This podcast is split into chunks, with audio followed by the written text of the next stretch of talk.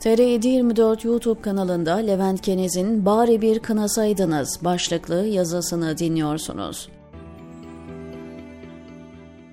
Bir gün önce sen de önüme çıkarsan seni de vururum diye tehdit ettiğin üçüncü taraf, ertesi günü senin sihanı düşürüyor. Senin sessiz kalıp üstüne yatacağını görüp kendisi açıklama yaparak evet düşürdük diyor. Ya dün söylediğinin arkasında durur, mütekabiliyet gereği bir hamle yaparsın ya da yapamayacağın şeyleri söylemeyip karizmanı çizmezsin. Rus uçağının düşürülmesinden hiç ders alınmamış. Kimse bir Rus uçağı düşüremeyiz, bizim buna imkanımız yetmez demedi ki hiç. Bak işte 10-15 saniye senin hava sahana giren uçağı istedin mi, basıyorsun düğmeye, düşürüyorsun. Demek ki mesele imkan meselesi değil.'' Sonrası meselesi. E sonra ne oldu? Rusya'nın ekonomik ambargosu, turistleri engellemesi, Birleşmiş Milletler başta olmak üzere uluslararası kurumlarda sana düşman kesilmesi bir yana Suriye'de alan kaybettin. Sınırına dahi uçakların yaklaşamadığı uzun bir süre. İyi mi oldu? Sonra yine gittin özür diledin. Tazminat neyim lazımsa ödeyelim diye yalvardın. Daha da sonra ne oldu? Ruslar olayın yıl dönümünde iki askerini öldürdü, sustun. 34 askerini öldürdü ki gerçek rakam daha fazla, sustun. Dünyada 34 askerini kaybedip öldüren ülkeye karşı hiçbir şey yapamayan devlete büyük devlet gözüyle bakmazlar. Boş tehditlerini ciddiye almazlar. E bir de Rusların Berat'le Bilal'in çevirdiği kaçak petrol pisliklerini saçmaya başladıklarını ekleyelim.'' Rusların yapabildiğini Amerikalıların yapamayacağını mı sanıyorsun? Yoksa birileri o da mı yapsın istiyor? Ülkede her şey öyle alt üst olmuş ki Milli Savunma Bakanlığı dışişlerinin yapması gereken açıklamayı yapıyor. Dışişleri sanki askeri bir kurum gibi açıklama yapıyor. Kimin ne yaptığı belli değil. Kamuoyuyla iletişim sıfır saçma sapan açıklamaları izahat diye veriyorlar internete.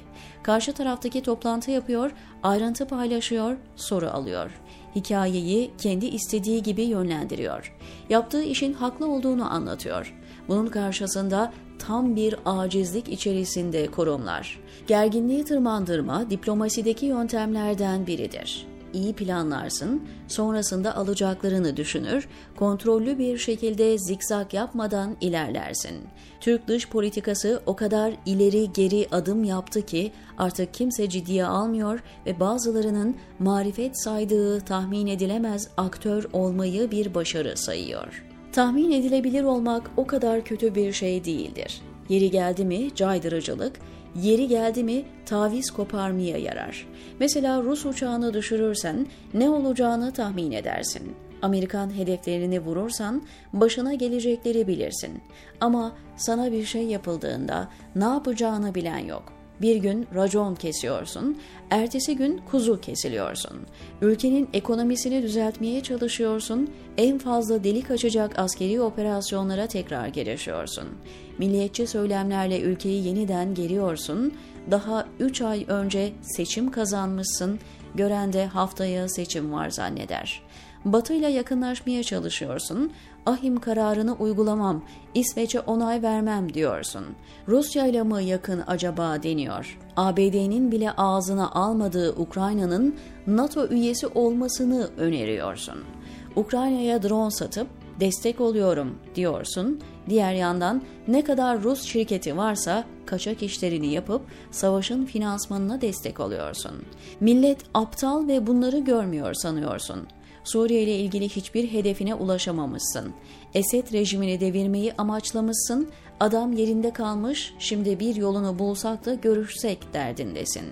Mülteci sayısı 100 bin kişiyi geçerse tampon bölge ilan ederiz demişsin ki bu tabir uluslararası siyasette anlamı ve yaptırımı olan bir deklarasyondur. En az 5 milyon mülteciyi sana kitlemişler, içeride huzurun kalmamış, Sen sadece izlemişsin. Terörle mücadele ediyorsun. Suriye'nin kuzeyi en Marksistinden en IŞİD'ine örgütlerin laboratuvarı haline gelmiş, sen de destek vermişsin. Türkiye'de okumuş, senin benim gibi Türkçe bilen, Salih Müslim'le başlayan, oradaki Kürtleri tanıyan ve onlarla ittifak kurmak gibi doğru bir yola girmişsin. Aa, bir bakmışsın, aynı adamı kırmızı bültenle arar duruma gelmişsin. Son olayda her iki tarafta olayı büyütmemeye karar verdi. Bunda can kaybı yaşanmaması, vurulanın bir SİHA olması en büyük şans. Ama çok daha kötüsü olabilirdi. Onlarca askerin hayatını kaybettiği, doların katlandığı, ülke içinde yoğun terör hadiselerinin yeniden yaşandığı bir döneme girilebilirdi.